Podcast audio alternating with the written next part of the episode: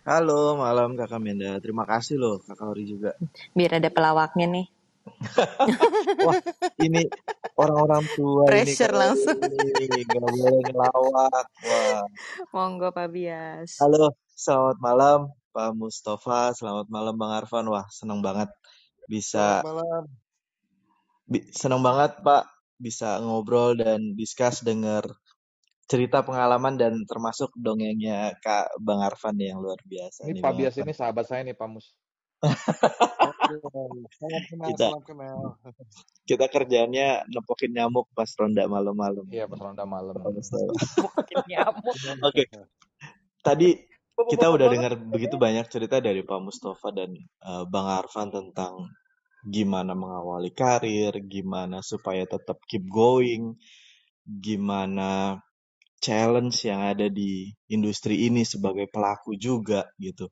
T- eh, buat saya yang mungkin baru nggak terlalu lama lah ya bekerja di market atau mungkin teman-teman investor saham bahagia juga yang baru mau masuk ke market, eh kalau boleh saran sedikit Pak eh, dan Bang Arfan, gimana sih cara memilih organisasi yang tepat buat kerja di industri yang udah super kompetitif, super mumet gitu ya.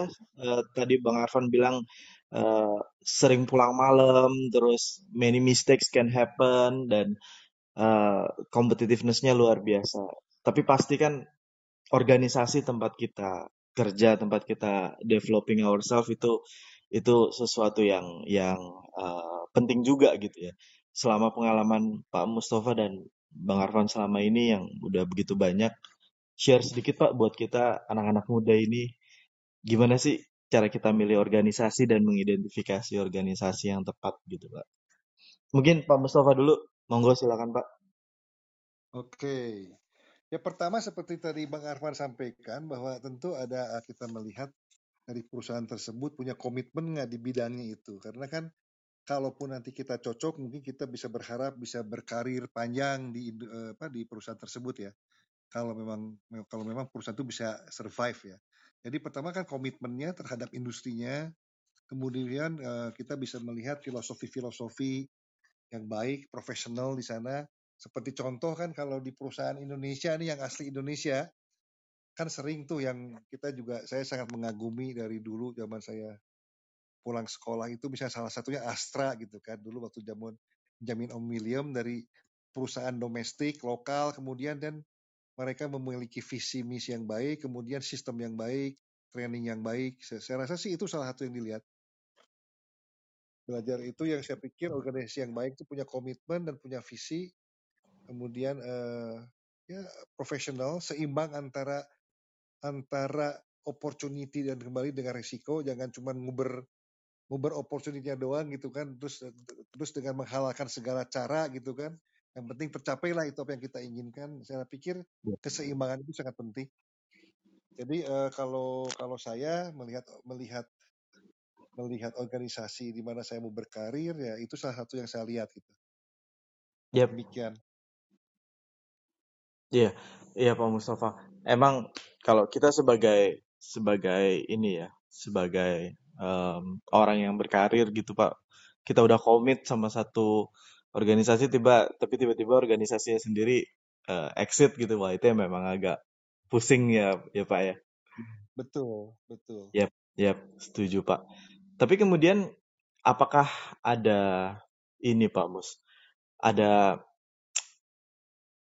ada sesuatu yang sangat penting dari sisi eh, eh, apa ya lamanya organisasi itu sudah berdiri atau justru malah lebih penting lagi adalah gimana organisasi itu beradaptasi dengan dengan kondisi industrinya misalnya Pak Mus.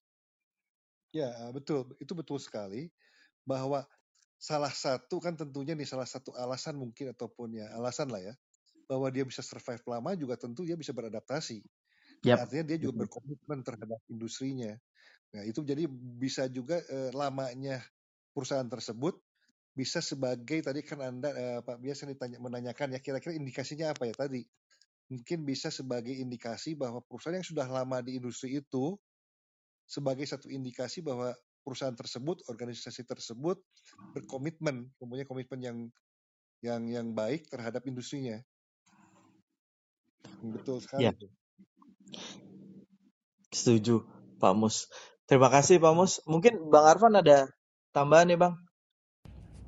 Aku boleh nambahin dulu nggak? Oh, Biar boleh Jess. Ini penting supaya gue nggak makin sering loncat-loncatan dalam karir. Tapi Arfan kenapa nggak pernah pulang malam ya? Mungkin lo aja kali yang sering pulang malam. Wah, Jess, Ada ada apa? gue di sini juga dengar. enggak, enggak, itu beneran kerja kok Jess. Emang gitu. Coba Bang Arfan, coba Bang Arfan, pengen denger Bang. Jadi masalah uh, malam-malam ini, Pak Mus ceritanya ini tadi Pak Bias kan ngomongin soal ronda, Pak Mus. Karena saya sering malam-malam, saya lagi lihat-lihat apa, saya perlu data, nanya sama Pak Bias. Oh, Oke. Terus kalau malam-malam saya tanya, bro, bro, eh ternyata dia masih nyaut gitu. Saya bercandanya, gila lu bro jam segini lu ngapain lu ronda lu? Siap, Gitu. Komandan. Sampai malam-malam ceritanya begitu. Jadi kalau saya sih em, kunci utamanya memang passionate dan uh, you like your job ya. Um, you just have to keep going lah. If you really like your job, uh, your talent nanti keluar. Iya. Ya kalau senang kayak misalnya saya senang musik gitu ya. butuh duit. Nah, untungnya saya nggak pernah, untungnya saya tuh nggak pernah bisa belajar instrumen musik ya jadinya kalau nggak ntar gue jadi apa ya, ntar industri musik Rockstar. ya jadi if you really like it, you just have to keep going lah. Ya, jadi betul sih. mesti passionate, dimarahin dikit biasa lah, dimarahin dikit mah wajar lah. Ya, saya juga punya, oke, saya punya contoh lagi nih cerita, cerita contoh nih. Zaman dulu ini. ayah saya zaman dulu ya, back in the 70s, back in the 80s, em, zaman dulu itu cuti itu bisa ditukar dengan gaji. Ya, cut- satu tahun dikasih cuti berapa, kalau nggak diambil bisa di-convert to gaji. Ya. Saya nggak pernah ingat ayah saya itu pernah cuti. Dia Kita kalau masuk di-convert udah berapa. Mbak? ya. Kita kalau Terus suatu hari saat saya udah kuliah, eh, eh, pagi-pagi saya mau eh, cuti. sekolah, mau kampus gitu ya. Saya kaget loh, kok bapak gue kagak ke kantor? Aneh banget. Ya. Udah Terus saya tanya sama ibu saya, mah itu kenapa tuh papi kok nggak nggak ke kantor? Ibu Oh, saya jawab Swedia gini, ya? tahu tuh bapak lu lagi sebel sama bosnya, nggak masuk kantor deh, ambil cuti. Ya, poinnya adalah bertahun-tahun beliau kerja, ya pasti ada dimarahin. He just keep going to get that extra money to support the family. Ya, baru setelah anak-anak udah mulai gede gitu kan, dia berani lah gitu loh ngambek sedikit gitu sama bosnya kan. Kalau nggak he just keep going. Uh, you just do it every day. Kalau udah nggak ada passion ya coba pindah kerjaan. What what is your passion ya? Jadi kalau saya simple kalau passion kalau kata-kata passion nggak bisa men-trigger your heart ya saya bilang kalau kalau nggak gila kerja ya ya kurang lah you have to be gila kerja saya bilang gila kerja beneran. Ya, betul Ya, banget tuh itu. Bang Arfan, saya mau menambahkan tuh soal tadi itu kemari. Jadi memang saya rasa kalau kita bicara karir dan pekerjaan ya, saya pikir eh, yang pertama harus kita ketahui itu tadi eh, mengenal diri sendiri. Apa passion kita, apa yang kita sukai. Jadi kita bekerja itu bukan karena orang menyuruh kita bekerja. Kalau bisa jangan seperti itu. Eh, tadi karena memang kita suka, kita mau mengerjakannya karena kita pengen tahu lebih banyak tentang itu. Abis Jadi kadang udah tadi mulai ada bilang, gerakan yang kalau sekarang bicara bekerja nggak sampai nyaman malam itu gitu bukan deh. karena saya ya kan mengerjakan sesuatu karena disuruh organisasi karena organisasi seperti apa jadi dari dalam karena saya suka saya pengen baca terus gitu kan sampai saya lupa waktu dan you always keep want to improve your skill your knowledge seperti misalkan contoh di dalam game-game itu sering terjadi kayak misalkan golf. Bagi yang benar passion golf itu bisa latihan sendiri nempuk sendiri. He just want to do it gitu. To improve their skill not because someone else ask you to do gitu. Itu satu. Contoh anak kecil main game. Ya mungkin dalam game mau tingkat itu dia bisa lupa makan lupa tidur dia main game terus. Dia pengen ada achievement naik ke level yang lebih tinggi. Itu di game itu kan selalu ada tuh. Level 1 naik ke level 2 ya.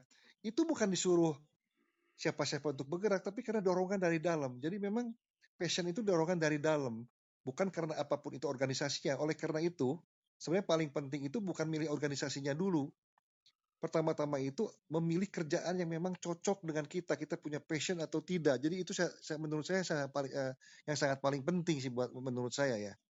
De, eh, untuk bisa tahu itu ya you have to understand yourself.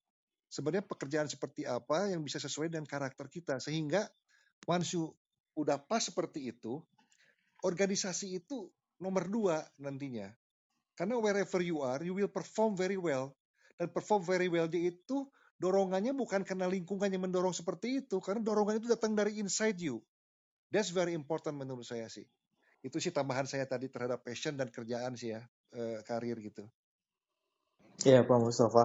Terima Cocok, kasih cocok, banyak. cocok, cocok, Co- Cocok ya. Ya, cocok. yang yang penting jangan sampai pulang malam gara-gara bosan di rumah nah ya itu udah bahaya. Astaga. Ya, jangan sampai nggak jangan sampai Pak Bias eh, di kantor itu karena aduh kebetulan bos belum pulang nih. Waduh, saya pengen nungguin bos pulang baru saya pulang Wah, itu. that is that is exactly uh, apa yang dulu sempat ada di pikiran saya ketika awal-awal mau lulus kuliah, Pak. That is the strategy karena um, katanya harus kayak gitu gitu, but eventually ternyata lebih ke diri sendiri patience ya Pak Mus. Yes. Dari inside lah, you want to stay there because Ya, you want to to do something that you like, ya kan? Jadi you stay tanggung sampai malam. Jadi itu itu dorongan yang bagus betul, betul, yang betul Pak. kamu menjadi excellent. Wah, Pokoknya, pokoknya Pak Mus kalau anak muda kerja, apalagi di market ya, not just not just di market ya, apalagi di market, kalau masih punya banyak waktu buat nonton Netflix, belum passionate lah Pak. Exactly. itu akan otomatis nih, Bang Arfan. Itu akan otomatis kok. Jadi kalau ada pilihan, when you do something you like dengan ada Netflix, itu akan pilih you do something like you like gitu. Automatically. Yang saya bilang tadi, the, the dorongan itu dari inside, bukan dari luar datangnya. Dari inside yourself. Itu yang paling penting. yep, yep. So do Wah, do the Netflix test. Yes. bener Pak. Nanti saya Iya coba betul. tes ke anak-anak ya. Iya. Tapi kalau drakor boleh dong, Mas Arfan. Iya, iya. Oke, mungkin kalau boleh saya move ke next questions Pak Mustafa dan Bang Arfan. Eh, ya kalau ini sih pertanyaannya satu-satu nih. Kalau buat Pak Mus mungkin agak spesial dikit Pak. Pak kita tahu perkembangan eh, capital market di Indonesia khususnya equity luar biasa luar biasa kompetitif ya Pak sekarang Pak. Ada tadinya begitu banyak broker bahkan tadinya yang uh, broker kita pikir very strong, very commit, ternyata akhirnya uh, harus keluar dari market Indonesia dan ada begitu banyak broker-broker baru, khususnya yang yang uh, giving digital service dan dan bisa dibilang ya mulai perang harga lah Pak gitu. Tapi kalau kalau boleh sedikit masukan atau mungkin view dari Pak Mustafa, broker yang baik selama 20 tahun lebih berkarya di industri ini, broker yang baik tuh kayak apa sih Pak? Yang ideal tuh harusnya seperti apa ya Pak Mus? Ini penting nih. Kalau kita bicara baik, tentu harus tanya dulu dari pihak baik untuk siapa dulu. Yang kamu tanyakan dari investor point of view atau dari siapa? Da- dari investor point of view termasuk Pak Mus di asset management yang mewakili investors Pak. Oh, Oke, ya tentunya kan kalau kita eh, ya yang simple-simple aja yang jelas di depan mata kan broker itu kita kan trading lewat broker sebagai fund manager atau investor ya. Tentu ya kita mengharapkan broker ini bisa memberikan rekomendasi kepada kita yang baik. Dan tentunya di sanalah fungsi research ya eh, penting sekali karena salah satu produk research itulah yang akan membangun kepercayaan dari si investor karena sangat penting at the end of the day kita sangat simple ke objektif. Nah, investor itu invest di saham untuk apa sih?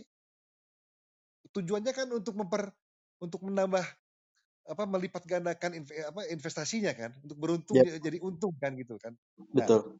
tapi eh, secara simpelnya ya kalau broker yang bisa memberikan rekomendasi yang baik kepada kepada fund manager ataupun ataupun eh, investornya yang artinya baik itu ya tadi rekomendasi di mana dia, dia bisa merekomendasikan saham-saham yang diinvestasikan kemudian ya bisa memberikan keuntungan ya di luar itu tentu ada ada hal-hal lain lah yang lain. Misalnya bagaimana mengeksekusinya dengan baik dan tidak. Bagaimana broker ini punya back office yang baik atau tidak. Sehingga kalau saya membutuhkan misalkan report atau apa pun juga jangan sampai state of state apa state of apa namanya uh, state of account gitu kan. Account statement yang salah-salah lah misalkan settlement yang lambat lah dan lain-lain. Tentu uh, sebagai broker yang baik itu melibat uh, mencakup area-area uh, yang lebih luas ya tapi uh, mungkin yang akan lebih berasa oleh investor yang sangat dirasa investor adalah tadi rekomendasi-rekomendasinya. Makanya memang dari tim dari tim investa uh, tim analisnya yang baik lah itu. Bagaimana bisa membuat analisis yang lebih detail come dengan konklusi yang baik ataupun dia bisa bisa bisa menebak atau bukan menebak apa ya bisa menerka bahwa misalkan eh, perusahaan ini akan menghasilkan earning yang lebih baik karena ada satu kejadian atau karena manajemen eh, manajemennya dan lain-lain. Saya pikir itu sih kalau dari saya dari sisi saya ya. Baik. Terima kasih Pak Mus. Ya, memang menjadi ujung tombak berarti ya Pak ya dari sisi gimana kita broker bisa memberikan counseling investment buat teman-teman investors gitu ya Pak ya. Oh betul betul walaupun kembali yang saya bilang itu not the only not the only aspek yep. ya. Kalau misalnya itu bagus tapi kadang-kadang settlementnya suka lama, suka terlambat transfer, suka lupa, back office kita juga bingung kan nih waduh di broker ya, betul, nih. Tentu ada betul, aspek Pak. lain yang diperhatikan lah ya. Tapi biasanya dari dari mata investor itu tadi si salesnya ini atau analisnya bisa memberikan rekomendasi yang baik sehingga kita investor tujuannya memang invest untuk untung. Kalau bisa memberi keuntungan ya itu yang akan diingat oleh si investor. Ya. Terima kasih Pak Mus.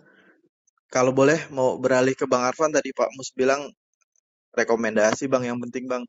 Terus kita analis tuh harus piye Bang. Kalau menurut Bang Arfan analis yang baik tuh sell side analis tuh yang kayak gimana Bang Arfan? Yang harus kuat ronda malam lah. Terutama gue yang kerjanya sampai malam gitu malam-malam masih ah, nanya, iya, iya, masih iya. nanya data segala macam kan. Oke, yang Pak Mus bilang saya cocok sekali. Memang rekomendasinya mesti bagus ya. Saya tambahin satu aja izin menambahkan yaitu mesti kreatif. Hmm. Seingat okay. saya dan setahu saya produk seperti Boris misalnya nggak ada nggak ada dulu di di di sell site yang lain ya jadi mesti kreatif um, zamannya Paudi dulu pas Paudi keluar dari sell site sejujur-jujurnya saya tuh kehilangan temen ngobrol yang yang yang bisa bahasa Jawa. Ya itu benar. Sing iso basa Jawa wis gak ono ya. jadi saya cukup kehilangan saya cukup kehilangan sekali yang yang bisa uh, sparring idenya tuh rame rame ya mungkin thank juga, you, thank you. mungkin berapa kali juga mungkin Pak Udi nih Bro Udi sebel gitu sama saya kan kalau kita lagi beda pendapat gitu kan. Cuman it, it's it's it's it's it's normal I think. Biasa biasa aja lah. Enggak lah yeah. sebel enggak. Sebelnya cuma kalau disuruh push up. Kalau disuruh push up selalu nanya uh, push upnya satu tangan atau dua tangan nih? Iya.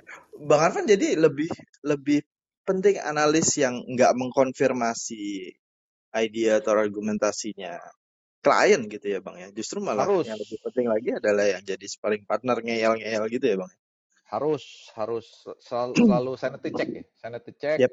Yep. kreatif itu penting loh Pak Bias. Jadi give me something new. Ya you cannot invest you kamu nggak bisa invest dengan cara kamu invest back in the 70s ya. yeah you have to learn something new, you have to be creative, you have to adapt, adapt lagi yang keluar kan. Masa cara cara kita invest sama dengan tahun 70 ya matilah di gelas zaman. Iya, Bang. Sama juga the way you uh, promote yourself ya, kita mau jualan kalau masih dengan cara yang lama, kita nggak bisa capture the new things ya matilah kau kan. Iya. Iya, Bang. Uh, kalau dengan kita jadi sparring partnernya clients atau fund managers gitu kan ada resiko salah misalnya bang kalau kita uh, mencoba untuk giving other other point of view misalnya. Sebenarnya dari teman-teman fund manager atau clients, how do you how do you perceive kalau misalnya ada analis yang call-nya salah atau uh, mungkin make a mistake on on estimates atau misalnya gimana gimana sih bang sebenarnya benar-benar langsung ditandain atau sebenarnya terbuka pintu maaf yang begitu lapang? Ya terutama lebaran atau ya, even terutama lebaran saling maaf-maafan. atau even kalau misalnya udah pasti sering salah nih ya udahlah pokoknya kalau bias bilang baik sell aja lah udah pasti Iya. langsung dikembalikan gitu ya bang ya Enggak lah, enggak lah, enggak lah. Well, siapa sih yang bisa forecast selalu bener? Enggak yep ada. yep Ya, nama juga forecast ya. Udah bagus ada yang mau forecast, udah ada bagus kita bisa mencoba untuk memperkirakan kan. Saya bilang sih, yang penting itu saya bilang idea generation. hmm. Something new, something different. Contoh nih contoh. Sukor mau bikin Outlook Nickel, manggilnya expert dari Rusia. Norilsk, Norilsk Nickel misalnya kan. Iya, betul bang. Well, that's something different gitu kan. Atau tadi saya baca, saya lihat di YouTube ya, saya dapat dari Telegram. Ada seorang perwira militer Amerika yang komen soal Russian Ukraine invasion. Hmm. Something new dan dari orang yang mengerti bidangnya kan. Ya mestinya kan mestinya mestinya juga kita manggil seorang yang sangat expert di war studies ya atau geopolitical analyst yang sangat jago ya. Ya. Yep. Jadi eh, kalau Sukor sih udah top lah. You always offer Oh, eh, the market something different, something creative lah. thank you so much. Wah, Bang Arfan ini terlalu baik nih. Gitu. Kalau sama Pak Bias mah mantap lah belajarnya. Iya, Ya, Bang. ada ada Jimmy yang punya expertise di China market. Well, which is well China will bukan will be big, udah pasti will be Yeah, the will be the monster of the world kan. the emerging powers. Ya. Iya, kalau orang cuman gua ahli China tapi nggak pernah tinggal di China, ya, ya you have to be on the ground lah. Kalau nggak nggak bisa lah. Mesti Kayak understand the the, the dynamic kan, the, the kayak environment. orang Surabaya nggak pernah makan petis ya. Nah, makanya Nah, ahli Surabaya ada ini. petis Jawa Timur sama Jawa Tengah aja beda kan? Oke, bener, bener. Iya kan, mesti beda. Yap, yap. Wah, thank you so much Bang Arfan. Eh, sebenarnya saya punya satu slot pertanyaan dikit aja. Em, kalau boleh tentang market sedikit ya, Pak Mustafa, Bang Arfan. Mungkin pertama sekarang kan kita tahu sekarang lagi momentum commodity play gitu ya. Eh, buat Pak Mustafa dan Bang Arfan. Eh, gimana menurut kisi aset gitu? How do you see this commodity play akan momentumnya seperti apa sampai seberapa lama dan seberapa substansial di di, di market kita? Dan kalau boleh minta stok atau sektor picking belajar sedikit dari Bang Arfan buat teman-teman investor saham bahagia di sini Bang. Apakah benar-benar harus stay to commodities atau mungkin kalau udah kelihatan mulai mahal bisa cari alternatif turunan-turunannya mungkin Bang? Kira-kira gimana Bang? Oke. Mamus saya izin opini ya, Pak Mus. Ya silakan. Eh, jadi gini, what is the definition of commodity super cycle? Ternyata definisinya itu adalah ditandai dengan strong demand. Ya. Ya. Sepertinya kita udah ngobrak-ngabrik data, sudah berapa hari ngobrak-ngabrik data ini eh, belum ada forecast yang menyatakan dengan sangat meyakinkan dengan dengan supporting data ya. Strong demand-nya itu bakal benar-benar kuat ya. Tapi saya bilang this time is different. Alasannya mungkin beda. Mungkin ya, itulah ya tadi saya bilang, market is dynamic, is always changing. Saya bilang memang sekarang ini adalah masa transisi ya antara green eh, energy dengan yang dirty atau fossil fuel. Fossil fuelnya ini capex-nya menurun dalam beberapa tahun terakhir, jadi supply-nya menurun, sedangkan demand-nya saya bilang demand-nya tetap lah, demand-nya tetap. Tapi yang dari green energy-nya ini belum bisa mencukupi demand yang sudah ada, supply-nya masih sedikit sekali. Ya. Contohnya aja negara-negara Skandinavia, kalau saya nggak salah ingat ya, mohon koreksinya, eh, yang paling advance di green energy dia baru mau bilang bahwa bakal zero karbon itu 2030 ya jadi masih lama. Kalau saya nggak ada tuh di kalau nyari-nyari datanya tuh ada tuh di dunia. Jadi saya bilang this kalau benar super cycle saya nggak berani bilang super cycle ya karena saya sekolahnya akuntansi saya bukan sekolah ini ya eh, commodity engineering gitu Eh, saya rasa sih karena ada imbalance antara Betul. green dan uh, old atau dirty atau fossil ya jadi I think I think ya saya bilang sih commodity price uh, masih sustain ya saya Ya. sih saya sih sebenarnya mau bilang will sustain in another 5 to 7 years. Cuma saya nggak berani bilang 5 7 tahun lagi panjang banget. Anak gue udah mau udah udah SMA 7 tahun lagi kan. Nggak gue nggak berani bilang 7 tahun many things can happen. Gue nggak berani Ya. gitu. Gua- tapi saya rasa 2 to 3 years I think quite safe ya. I think quite safe. Paling tidak proses buat nyampe new equilibrium akan lebih lebih panjang prosesnya ya bang ya I dengan think so ya. kondisi I yang think so sekarang. Mm, Yep. iya. Yep. Terus kita harus, intinya belum terlalu efisien lah yang yang yang betul. green green inilah Yep. Terus kita harus pilih Oppo bang.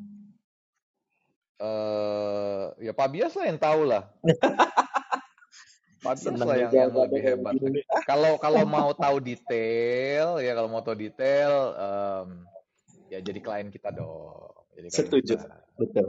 Betul. Betul. Thank you loh Bang Afan. Pak Mustafa, mungkin eh, saya udah agak lama dan biasanya kita memang cuma sampai 2 jam sampai jam 10. Jadi mohon maaf kalau agak terlalu lama dan banyak panjang lebar pertanyaannya. Terima kasih Pak Mustafa, Bang Arfan.